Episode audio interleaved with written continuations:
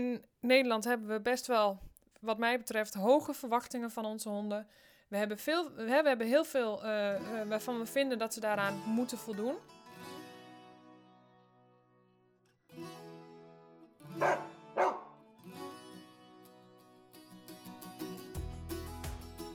Buitenlandse honden, is dat nou een goed idee? Als in, hè, moet je een buitenlandse hond gaan adopteren, ja of nee? En laten we eerst even stilstaan bij de mensen die zich heel erg inzetten voor honden uit het buitenland die het moeilijk hebben in de breedste zin van het woord. Er zijn prachtige stichtingen, er zijn ontzettend veel mensen die dag in dag uit bezig zijn om deze hond, honden een tweede kans te geven. Er zitten honden in het buitenland met echt ontzettend veel verhalen. En die verhalen maken ook het verschil in hoe een hond zich hier in Nederland, uh, ja, hoe zo'n hond zich kan settelen en of een hond kan acclimatiseren. Het acclimatiseren kan altijd even tijd uh, kosten. Dat geldt zowel voor een hond uit het asiel die in Nederland even zo gezegd gewoon herplaatst is. Maar ik denk met een buitenlandse hond op het moment dat er een verhaal achter zit, uh, afhankelijk ook van het verhaal, ga je gewoon bepaalde dingen zien. Is het verstandig om een buitenlandse hond te adopteren? Nou, op de eerste plaats is het niet per se onverstandig, maar de vraag is ook of het verstandig is. Ik denk dat het prachtig is dat we honden uit het buitenland een tweede kans geven. En ik denk als we het hebben over dierenleed, eh, het leed wat, wat honden aangedaan wordt, ik denk dat dat echt nog wel een onderlaag heeft. En dat het daarom misschien ook een beetje dweilen met de kraan open is. Ja, waar begint het nou eigenlijk? Het heeft natuurlijk te maken met hoe wij mensen uh, ons gedragen richting dieren, richting honden. Uh, we hebben gewoon een groot probleem. Als het ons niet bevalt, dan doen we de hond weg. Um, je ziet dat in Nederland op een andere manier, maar indirect is het ook op dezelfde manier aanwezig. Hè? het is nog steeds zo dat als we toch geen tijd hebben, dat als we toch niet verwacht hadden dat een hond zoveel werk was, of noem het op. Het is nog steeds zo dat als we toch geen tijd hebben, dat als we toch niet verwacht hadden dat een hond zoveel werk was, of noem het op. En dit ligt heel genuanceerd hoor, want er zijn heel veel mensen die echt ontzettend investeren in de relatie met een hond, ook al pakt het anders uit. En ik ben niet eens tegen het. Um, laten herplaatsen van je hond, omdat het inderdaad anders uitpakte dan je had verwacht, omdat het niet kan, omdat het niet past, omdat er iets is veranderd in je leven. Ik denk dat dat allemaal niet zo erg is, maar ik denk wel dus dat we een hulpvraag daaronder nog hebben. Want hoe kan het dat het anders uitpakte dan je had verwacht? En dan doe ik dus op de verwachtingen die we hebben in het samenleven met een hond. En um, daar zie ik gewoon ontzettend veel scheefgroei. Nou, in andere culturen in Europa, bij van uh, het kan ook uit een ander continent zijn, dan um, um, zie je dat er zeker, zeker andere normen en waarden zijn wat betreft dieren. En hebben dieren soms ook nog een functie. En als ze die functie uh, niet kunnen uh, voldoen, zeg maar, dan worden ze soms gewoon losgelaten. Dus je hebt allerlei verschillende verhalen op het moment dat je een buitenlandse hond gaat adopteren. Het kan zijn dat een hond zwaar mishandeld is, um, dat een hond misschien niet eens mishandeld is, maar het in de natuur niet kon overleven. Dus uh, ontzettend mager is, fysiek gewoon heel erg zwak is. Een hond die aangereden is, een hond die beschoten is. Je hebt uh, jachthonden die niet, het niet goed deden in de jacht en losgelaten zijn en vervolgens in een asiel hebben gezeten. Je hebt honden die heel lang in een uh, asiel hebben gezeten. Je hebt honden die in een dodingsasiel, een dodingsstation hebben gezeten. Dus je hebt ontzettend veel honden met ontzettend veel verhalen. Met daarvan ieder ook zijn eigen trauma en ook zijn eigen level. En um, ja, dan kom je in Nederland, in ons landje. En dan kan het, zoals je wel hoort, ingewikkeld zijn om hier te acclimatiseren. Uh, voor een deel kan dat een soort van cultuurshock zijn. Hè? Um, in Nederland hebben we best wel, wat mij betreft, hoge verwachtingen van onze honden. We hebben, veel, we hebben heel veel uh, uh, waarvan we vinden dat ze daaraan moeten voldoen. En uh, we hebben een druk leven. We leven in een klein landje. Er zijn ontzettend veel prikkels. En zeker voor de honden die gezworven hebben, is dat best wel een ingewikkeld dingetje. Want in Nederland is ieder grasprietje geregistreerd. Even zo gezegd, er is geen sprake meer van een uh, echt een natuurgebied. Hè. Natuurlijk hebben we natuurgebieden, maar alles is een soort van geregeld en in kaart gebracht. En ja, dan kan het zijn dat die jachthond, die toch niet goed was voor de jacht, en vervolgens zelf, hij, hij is losgelaten, hij moest overleven. En dat de vraag nu is, ja, hoe kan ik keurig met mijn jachthond in het losloopgebied lopen. Want we wilden zo graag een hond en we hebben deze genomen, want het zag er zo leuk uit. En ja, en wat dan nu? En dan, uh, als we dan gaan kijken naar een stukje maakbaarheid en, en, en gedrag. En, en hey Aniek, ik wil graag uh, iets doen met mijn buitenlandse hond. Ik wil van de hulpvragen af. Dan is op de allereerste plaats de vraag: uh, wanneer, wanneer gaan we het plafond bereiken? En um, hoe realistisch zijn de hulpvragen die er zijn? Dus ben ik een voorstander van honden uit het buitenland halen? Ja, wel en niet. Want ik denk dat er zo gigantisch veel over te zeggen valt. En er zijn ook zo ontzettend veel dingen die niet helemaal koosje zijn, die niet lekker zijn en waarvan je je afvraagt: Niek, waar gaat het nou over? Dus wat er gebeurt op het moment dat je een hond uit het buitenland haalt, ja, waar, op basis waarvan baseer je dat dan? Hè? Op basis waarvan denk je dan: dit is een hond die goed, hè, ons goed zou kunnen helpen? En dat hangt ook af van je insteek. Er zijn mensen die zeggen: Weet je, eigenlijk maakt het mij bij wijze van spreken niet zo heel veel uit. Want ik wil gewoon een dier redden. Ik heb daar alle tijd voor. En we zien wel waar het schip strandt. Ik heb geen verwachtingen.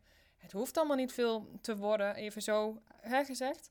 Maar er zijn ook mensen die zeggen: Ja, nee, superleuk. Ik wil gewoon graag een hond. Eigenlijk zoals je, even zo gezegd, een beetje blanco en wellicht een beetje naïef erin staat. Je hebt gewoon het verlangen, het emotioneel verlangen om een hond te hebben. En je denkt: Ja Um, er is eh, waarom, waarom gaan we die dan niet adopteren? Want dat is gewoon mooier en dan betekenen we ook meteen wat voor een dier.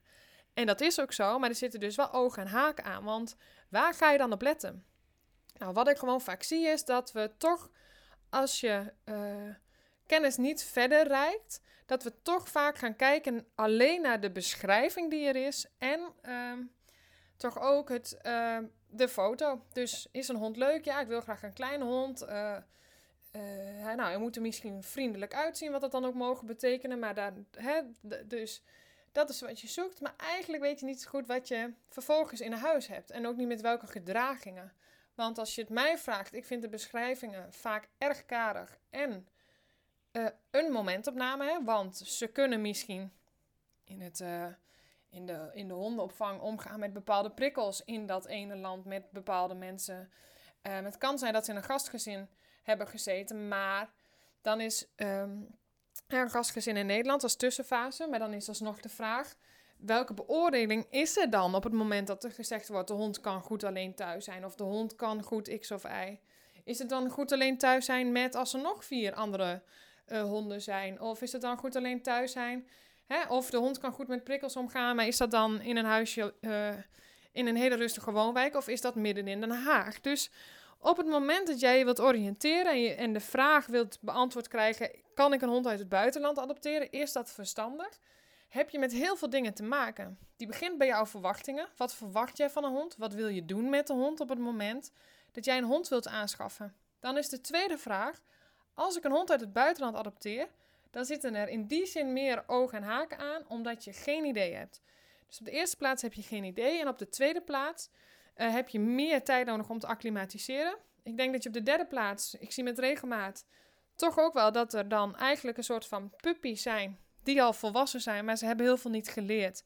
Waar een goede fokker, en dat is even een belangrijke kanttekening, maar waarbij een goede fokker natuurlijk de socialisatie oppakt en al die fronten en levels juist hè, aanpakt aan de hand van het level waar de hond zich in bevindt. Dus op het moment dat je die mist, ik denk dat je altijd um, punten achter staat. Uh, dat je altijd met dingetjes te maken hebt die gewoon ingewikkeld zijn. Je hebt altijd meer uh, de hond moet altijd meer acclimatiseren dan wellicht een andere hond. Um, en ja, dat, dat kan een dingetje zijn. De vraag is ook op basis waarvan ga jij je hulpvraag stellen. Nou, er zijn gewoon ontzettend veel honden die verlatingsangst hebben, buitenlandse honden. Er zijn sowieso veel honden die verlatingsangst hebben, maar buitenlandse honden hebben zeker veel verlatingsangst. Ik denk dat veel buitenlandse honden hebben kunnen proeven ook van het stukje echt hond zijn. Dus het kan zijn, uh, dit, dit geldt echt niet voor alle buitenlandse honden hoor, maar wat ik vaak zie is dat buitenlandse honden die in een opvang hebben gezeten met veel andere honden, eigenlijk heel goed zijn in de interpretatie van de hondentaal, die heel goed zijn in het communiceren met andere honden en die daar ook niet altijd een issue mee hebben. Ze zijn dus best wel hond En dat laten ze ook zien. Hè. Ze vinden het moeilijk om dan in één keer binnen onze verwachtingen te leven. Want ze mochten rondzwerven, ze mochten rondscharrelen, ze mochten voedsel bij elkaar scharrelen. Eigenlijk allemaal hele hondse gedragingen. En dan komen ze in ons landje en dan zijn er misschien dingetjes die we niet meer willen. Ehm, het kan ook zijn dat onze honden, of de buitenlandse hond die je hebt, juist in één keer een opbouw heeft richting honden. Waarom? Omdat veel van onze honden juist op andere honden afstormen. Uh, omdat ze moeten socialiseren aan de lijn. Omdat we, hè, we, moeten van alles met ze. En dat je dan op die manier juist een bepaald gedrag ontwikkelt. Omdat, het, omdat veel van deze handelingen ook heel erg onnatuurlijk kunnen zijn voor een hond. Heb ik bezwaren op een buitenlandse hond? Nou ja, in die zin, inderdaad. Um, je weet niet wat je in huis hebt. Er is zo ontzettend veel leed en trauma. En vervolgens vragen we eigenlijk van ze dat ze kunnen functioneren in onze maatschappij. En begrijp me niet verkeerd, ik weet dat niet iedereen dit vraagt en verwacht, maar ook heel veel wel. En dan allemaal vanuit de beste intentie. Ik neem een hond uit het buitenland, want dan help ik een hond in plaats van een puppy te nemen. Maar wat neem je dan? En natuurlijk is het mooi als je zo'n hond kan helpen. En natuurlijk snap ik de intentie. Tegelijkertijd denk ik ook dat het dweilen met de kraan open is. Ik denk dat het dierenleed um, ja, een heel ander vraagstuk heeft die beantwoord moet worden. Betekent dat dan dat we dit niet moeten doen? Nee. Maar het betekent wel dat op het moment dat als jij zegt: Ik wil een hond uit het buitenland. ja, dat misschien een verwachting ook bijgesteld zou moeten worden. Ik denk dat er meer, dat we nog meer blanco zouden moeten zijn in onze verwachtingen ten opzichte van de hond. Uh, dan dat als je die puppy neemt bij een goede fokker vandaan. En ik zeg elke keer, ik benadruk even een goede fokker, want er zijn ook ontzettend veel honden, puppies, die we dan nemen, waarvan het dan lijkt dat ze bij een goede fokker vandaan komen. En je vervolgens ook tegen hulpvragen aanloopt. Nou, nu doet dat net vermoeden dat als je naar een goede fokker gaat, dat je geen hulpvragen met je hond kan ervaren. Dat denk ik niet. Ik denk dat je altijd hulpvragen kan ervaren. Dat heeft voor, voor een deel te maken met een stukje kennis over wat heeft een hond nodig, wat communiceert een hond, het begrijpen, wat betekent socialiseren, hoe doe ik dat, wanneer vindt een hond iets leuk, wanneer niet, hoe laat hij dat zien. En ook wel, ik zie gedrag als uh, niet als, als goed of fout. Snap je? Er, kunnen altijd hulpvragen zijn. En die, net als dat jij en ik dat hebben. We kunnen altijd tegen dingen aanlopen. We kunnen altijd emoties ervaren. En dat geldt bij honden uh, hetzelfde. Dus voor mij is dat wel degelijk een bezwaar. Hè? Op basis waarvan kies je dan zo'n hond? En die is heel moeilijk. Als ik voor mij zelf spreek, um, en dat zeg ik dan nooit als hondengedragsdeskundige. Ik zou best wel een hond uit het buitenland kunnen of willen. En ik vind ze ook heel vaak heel leuk. En ze zijn heel mooi, omdat ze uh, dat mixje zijn, hè, waarvan alles in zit, waarvan je niet weet wat erin zit. Dat is ook meteen het bezwaar. Om een heel klein beetje af te wijken, omdat ik wel zie dat mensen zeggen: ja, ik denk dat het een kruising Golden Retriever nog wat is. En dan blijkt het vervolgens een kruising Pyreneese berghond, nog wat, en nog wat, en nog wat, en nog wat. Blijken er zes honden in te zitten. Ziet het toevallig uit als een Golden Retriever. Maar blijkt, er blijkt eigenlijk rassen in te zitten die heel erg op zichzelf zijn, waar een heel sterk karakter in zit. Ja, en die is natuurlijk wel lastig, hè? Uh, dus we gaan er vaak vanuit, nou, er zitten twee honden in. Hij lijkt hier en hier op, dus het is een kruising tussen die en die. Ja, er kunnen ook wel zes honden in zitten. Je hebt geen idee. Hè, dan kan bijvoorbeeld een DNA-test heel mooi zijn, maar dan moet je wel weer bij een goede partij zitten. Dus als ik voor mezelf spreek, zoals ik net zei, ja, een buitenlandse hond kan leuk zijn, maar het is zo vertroebeld dat wel de vraag is: waar hou ik mij dan aan vast op het moment dat ik zo'n hond zou gaan adopteren? Uh, dus binnen de samenstelling die als ik nu heb, een jong gezin, jonge kinderen, waarbij we in de kinderschoenen staan van een, een leven die gaat over basisschool, over sport, over muziek, over noem het op, waar we allemaal mee te maken krijgen. Dan vind ik het risico in die zin te groot. Het kan, maar het kan ook, het kan ook niet. En zeker als ik het heb over hulpvragen zoals verlatingsangst. Als ik het heb over angsten en trauma's waar we niet van weten. Als ik het heb over het genetische goedje waar je mee te maken hebt op het moment dat je een buitenlandse hond neemt. Andere bezwaren vind ik uh, toch ook wel. Kijk, ja, het is echt niet verkeerd om honden te redden. Maar soms redden we ook iets wat heel erg ingewikkeld is. Wat hebben we dan gered? Wat was de bedoeling? Wat was de bedoeling van de natuur soms ook? Dat klinkt heel cru, maar um, Om dan vervolgens, stel je bent heel zwak, je, eigenlijk had het niet gekund en je komt hier in Nederland en je hebt een hond geadopteerd met het idee, nou die kan mooi volop mee functioneren in, de, in, de, in onze maatschappij, dan denk ik wel dat je een beetje van een, van een koude kermis thuis komt. Dus vandaar dat ik zeg, het is niet erg, maar ik denk dat je verwachtingen heel laag zouden moeten zijn, omdat je het eigenlijk niet zo goed weet. Niet op basis van de foto, niet op basis van de beschrijvingen die erbij staan in zo'n gastgezin of in zo'n shelter. En dat heeft voor mij niks, niet eens te maken met een soort van twijfel over de kennis die die mensen hebben, maar wel omdat het zo'n momentopname is. Ik zie wel eens dat de honden in die eerste fase een beetje flabbergasted zijn. Dat ze eigenlijk alles over zich heen laten komen. Ik zie vaak dat mensen zeggen: Ja, nou, de eerste periode ging supergoed. Hij vond alles goed. We konden alles met hem doen. En wat ik dan vaak zie is op het moment dat ik daar kom, of ik heb de hond gezien in, in filmpjes of noem het op, dat zo'n hond eigenlijk alles over zich heen heeft laten komen. Hij was eigenlijk echt wel een beetje in een soort van shock van oké, waar ben ik dan nu beland? En dan vervolgens lijkt zo'n hond zich te ontplooien, maar ontstaan er misschien ook ineens hulpvragen. En is het dus eigenlijk zo dat de hond wel degelijk iets vindt van bepaalde situaties. Nou, ik vind een ander bezwaar dat er ook veel geld in omgaat. En er zijn mensen die hier heel mooi, integer, heel kosher en zuiver mee omgaan, maar ook niet. En dat is natuurlijk altijd zo. Maar dat is wel voor mij een heel groot bezwaar. Ehm, een ander lastig bezwaar vind ik ook dat we.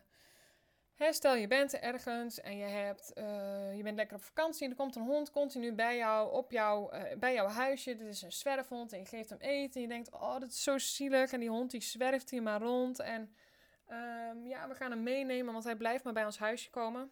Wat heel logisch is als je hem eten geeft. En een zwerfhond uh, hij heeft zich aangepast op de mens. Dus ja, logisch. Vervolgens denk je, nou weet je, we gaan hem meenemen. Hij heeft hier allemaal geen huisje. En uh, ja, ik denk dat het gewoon dat dat een hele mooie keuze is. Alleen dan is wel de vraag, hè, vervolgens zijn we in Nederland in ons keurig huisje, ons keurige landje, en moeten we zo'n hond in één keer hier laten functioneren. Hij mag niet meer rondzwerven.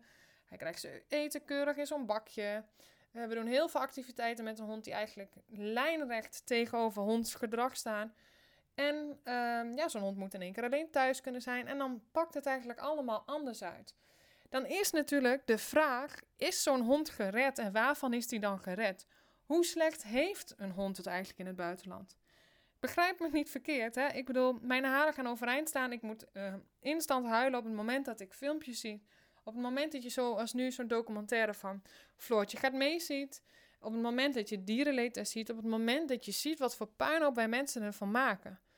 Alleen op het moment dat we iets willen oplossen, is wel de vraag waar beginnen we dan eigenlijk? Wordt er iets opgelost op het moment dat we een buitenlandse hond nemen die hier niet kan functioneren? Die midden in Den Haag woont, maar zo ontzettend veel moeite heeft met alles wat er is, met de druk en de waan van de dag. Um, met het jonge gezin waar de hond in terechtkomt. Met de verwachtingen die we hebben. Met het eigenlijk niet goed tot rust kunnen komen. Dit klinkt allemaal heel zwaar, maar ik denk dat we ook een geluid nodig hebben waarin de buitenlandse hond niet alleen maar het verhaaltje heeft van: Oh, ik heb een hond gered en oh, dat is zo mooi. Dat kan. Ik denk dat een dingetje waar we ook rekening mee moeten houden. Oké, we weten genetisch niet hoe het in elkaar zit dat maakt dat je zowel qua erfelijke afwijkingen, qua lichamelijke gesteldheid, maar ook qua uh, gedrag. Hè, je weet niet hoe de vader en de moederhond, hoe die zich gedroegen, hoe stabiel ze waren, hoe het emotioneel, hoe ze zich voelden, hoe het zat qua stress. Dat heeft gevolgen voor het gedrag waar jij eventueel tegenaan kan lopen. Maar een ander probleem is ook honden uit Oost-Europa, maar ook uit uh, Zuid-Europa. Je, je ziet gewoon veel ziektes, tekenziektes, andere ziektes. Is dat erg? Nee, in die zin, hè, ja, het, het, is erg voor de hond. Het is vervelend als ze op die manier ziek zijn. Maar um, het is zelfs wel mooi hè, dat we dan in ons land met onze middelen zo'n dier kunnen helpen. Dus begrijp me niet verkeerd, maar ik denk wel dat het goed is dat we dan uh, weten dat dit er eventueel zou kunnen zijn. Dat je met dingen te maken kan hebben met extra kosten, omdat je misschien een dier hebt die bijvoorbeeld deze ziektes bij zich draagt. Wat voor ziektes dat dan ook zijn, dat dat gevolgen heeft. Als jouw hond hier in Nederland is, kan het lijken misschien wel alsof er toch meer fysieke klachten zijn dan dat jij dacht of dan dat op dat moment bleek. eh, de hond heeft misschien wel moeten rondzwerven. De hond heeft in de jacht moeten functioneren. De hond is beschoten. Uh, nou, ik denk dat dat, hè, zoals beschoten, dat zijn vaak dingen die we, die natuurlijk al, al lang uh, gezien zijn. Maar ja, dat het heeft wel gevolgen voor, jou, voor jouw plaatje, voor jouw wens misschien om een hond te nemen. En ik denk dat het daarover gaat. Hè? De vraag, ik wil een hond, en kan ik een hond uit het buitenland adopteren, die, die ontstaat vanuit een wens. Ik wil graag een hond. En zo'n hond nemen lijkt heel gemakkelijk. Het lijkt heel dichtbij. Het, lijkt, het is heel tastbaar. Je kunt als je wilt vanmiddag nog een hond in huis hebben. Maar waar ga je dan op letten? En ik hoop dat ik dat in deze podcast een beetje aanstip. Ja, het is heel mooi. Er zit een hele lichte kant aan. Het adopteren van de buitenlandse hond. Maar er zit ook een hele lastige, zware en iets wat duistere kant af en toe aan het adopteren van hond uit het buitenland.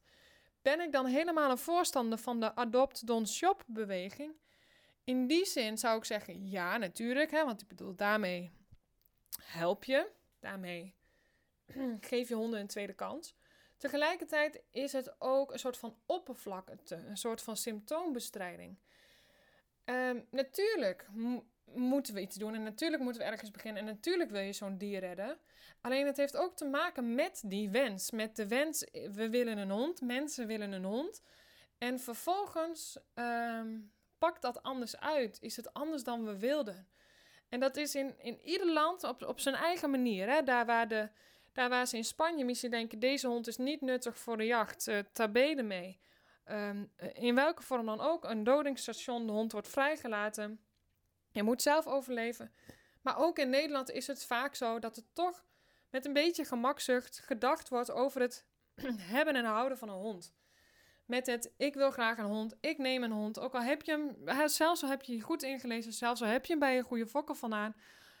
En vervolgens lijkt, blijkt dat, je, dat ontzettend veel werk is. Of dat je um, ontzettend veel uh, hulpvraag hebt waarvan je niet had verwacht dat je daarmee in aanraking kwam. En ik denk dat dat gewoon wel degelijk een probleem is die bij ons als mensen um, aanwezig is en we daardoor ook problemen in stand houden. Concreet zou ik zeggen, is een hond uit het buitenland uh, adopteren een goed idee? Nou, dat kan wel. Maar kijk dan eens of je voordat je dat gaat doen, uh, je verwachtingen helder kan hebben. Wat zijn je verwachtingen? Wat zou je graag willen doen met een hond? Uh, wat wil je ondernemen? Hoe zou je graag willen dat de hond een functie krijgt in jouw leven? Dan is een tweede vraag: kan een buitenlandse hond daaraan voldoen?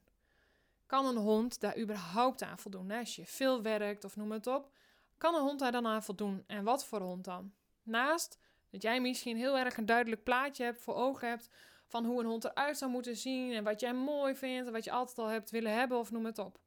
Kan een hond voldoen aan de verwachtingen die jij hebt? Je kan natuurlijk je verwachtingen bijstellen, die op de eerste plaats al teruggaan naar het level hondsgedrag. Dus kan ik in mijn leven de hond de kans geven om hondsgedrag uit te oefenen. En die gaat verder dan spelen in de speelweide. Dus dit vraagt ook over meer kennis over hondengedrag. En dan zou je kunnen zeggen: hey, weet je, voordat ik van start ga, volg ik bijvoorbeeld een online training. Bij mij bijvoorbeeld. maar dat is even een gekheid natuurlijk. Maar een online training over hondengedrag. Volg een cursus over de lichaamstaal van honden. Zodat je ook weet: oké, weet je, wat heeft een hond nou eigenlijk nodig? Zodat je. Ehm, veel meer gaat begrijpen over hey, uh, welke activiteit heeft de hond eigenlijk nodig? Kan ik daarin voorzien? Uh, ik heb bijvoorbeeld een hele cursus die ingaat over je hond kwalitatief uitdagen in plaats van kwantitatief elke keer naar zo'n losloopgebied gaan. Um, hoe kan je je hond, hè, wat heeft een hond dan nodig? Hoe kan ik mijn hond lezen? Dat zou een manier kunnen zijn om, om voordat je die buitenlandse hond gaat adopteren, aan de slag te gaan. Omdat het verder gaat dan wat voor ras je zou willen en hoe een hond eruit zou moeten zien. En of de hond wel of niet met katten kan. Hè? Want dat zijn vaak de antwoorden op de beschrijvingen die je vanuit de beschrijvingen die je vindt bij zo'n foto. Dus daar zou ik zelf heel erg um, uh, onderzoek naar doen. Um, dus je hebt te maken met de verwachtingen en je hebt te maken met, um, wat mij betreft, zou ik zeggen, volg dan eerst een online training om je op die manier ook echt al te gaan verdiepen in de hondse behoeften. En eigenlijk daarmee dus hoe je bepaalde hulpvragen zou kunnen voorkomen ook. Um, waarmee je de basis gaat verstevigen en je vanaf dag 1 ook je hond al zo goed mogelijk probeert te begrijpen. Ik zou je niet laten leiden enkel door de foto en de beschrijvingen die er zijn. Laat ook je emotie een beetje op de achtergrond aanwezig en hou jezelf verstandig. Uh, ga gewoon echt onderzoek doen naar wat voor hond is dit, waar komt hij vandaan. En um, um, doe gewoon, he, stel zoveel mogelijk vragen. Alles wat ze kunnen weten over zo'n hond. Hè? Want soms weten ze het ook gewoon niet. En dat maakt het dus ook meteen zo ongrijpbaar. Je hebt geen idee. Op het moment dat een hond gezworven heeft, ja, het kan zijn inderdaad dat hij is losgelaten. Het kan zijn dat hij is los, um, hè, dat, dat de hond mishandeld is of niet mishandeld is. In die zin weet je soms ook gewoon heel veel niet. Dus dan kom je bij een ander punt. Stel in die zin je verwachtingen bij. Um, op een level dat je gewoon weet, weet je, ik sta blanco. En ik kan eventueel te maken hebben, hebben met meer hulpvragen dan ik eigenlijk van tevoren bedacht had. Hou rekening met een eventuele verlatingsangst. Uh, zie je gewoon veel bij buitenlandse honden. Kan je ook prima wat mee doen. Maar het is wel handig, want als je het al weet, dan kan je het goed oppakken. Dan is het iets wat je kan incasseren. Dan is het iets waarvan je zegt: Oké, maar als dat er eventueel is, dan pak ik het vanaf dag heen goed op. En dan uh, uh, kom je niet van die koude kermis thuis, waardoor je denkt: Oh, maar ik kan helemaal niet weg je hebt een beetje een. Je kan, laat ik zo zeggen, dat geldt niet voor iedere buitenlandse hond. Een pup in een klein jasje. Of een pup in een volwassen jasje, is beter gezegd. En dat kan maken dat je daardoor um, het, hetzelfde proces zou moeten aangaan zoals je dat met een puppy doet. Er is alleen één maar. Jouw hond is al volwassen. Dus het kan zijn dat je hond al een weg heeft afgelegd met bepaalde patronen, dingen. En je hond zit niet meer in die puppyfases die jou de kans geven om bepaalde dingen te ontwikkelen. Dus die kan nog steeds, maar het heeft tijd nodig om je hond uh, op de eerste plaats de veiligheid hier in het land te ervaren, de veiligheid bij jou. Um, en het kan echt wel een jaar duren voordat de hond geacclimatiseerd is.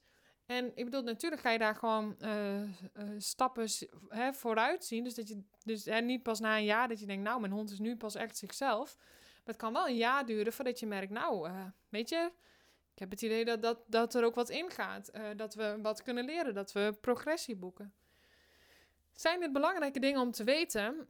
Nou, in die zin, je, wilt een, je hebt dus een wens, zoals ik net zei. Je wilt graag een hond. En ik denk dat we uh, niet alleen maar moeten kijken naar het plaatje van... oh, ik wil graag een hond redden uit het buitenland. Uh, zoals ik al begon, het, het kan heel mooi zijn. Echt, er zijn fantastisch veel leuke, mooie honden uit het buitenland. Het kan ook niet zo zijn. Dan zijn de honden nog steeds mooi. Dan zijn de hulpvragen niet eens erg. Maar dan is het wel zo dat jij daar meer werk van hebt, dat het niet past in jouw plaatje, dat het niet past in ons koude kikkerlandje op dat moment of zoals jij leeft. En dan is de vraag: is dit wat voor jou haalbaar is in jouw leven, op, jou, op dit moment, in de komende x jaren dat jij aan de hond vastzit? Want als we dan echt een hond willen redden, denk ik dat het vooral goed is dat we dat heel bedachtzaam doen en voor zover als mogelijk is de consequenties op papier gaan zetten van de keuze die je maakt. Want ik denk dat we daarom zoveel uh, zwerfhonden hebben, dat we daardoor zoveel uh, adoptiehonden hebben en dat we daarom ook zoveel gedragsproblemen hebben. We hebben een wens, maar zijn nog niet bezig met de consequenties die daaraan vastzitten. Want iedere wens, iedere keuze heeft consequenties op het moment dat je een hond neemt, maar het geldt ook voor andere dingen. En daarmee wil ik hem ook meteen afronden. Uh, niet als uh, soort van zeikberichtje op, over over een buitenlandse hond adopteren. Zoals je hoort, ik denk dat het echt prima kan. Maar je weet zoveel ook niet. En ik denk dat dan de verwachting uh, uh, heel erg anders gaat zijn. Je insteek moet nog wat anders zijn. En zoals je al hoorde, vind ik dat we überhaupt, als we willen werken aan het probleem, als we het hebben over dierenleed, als we het hebben over dit verlangen om een hond te hebben en vervolgens de hoeveelheid hulpvragen die er zijn bij honden in Nederland uh, en, en de honden die hè, te adopteren zijn, denk ik dat we uh, echt nog wel wat laagjes dieper moeten gaan. En laten we dan beginnen met bedachtzaam een keuze maken. Dankjewel voor het luisteren naar deze podcast. Ik hoop dat je wat antwoord hebt kunnen vinden in je reis naar... Ga ik een buitenlandse hond adopteren? Of misschien heb je een buitenlandse hond. En denk je, ja, nee, dit herken ik inderdaad. Um,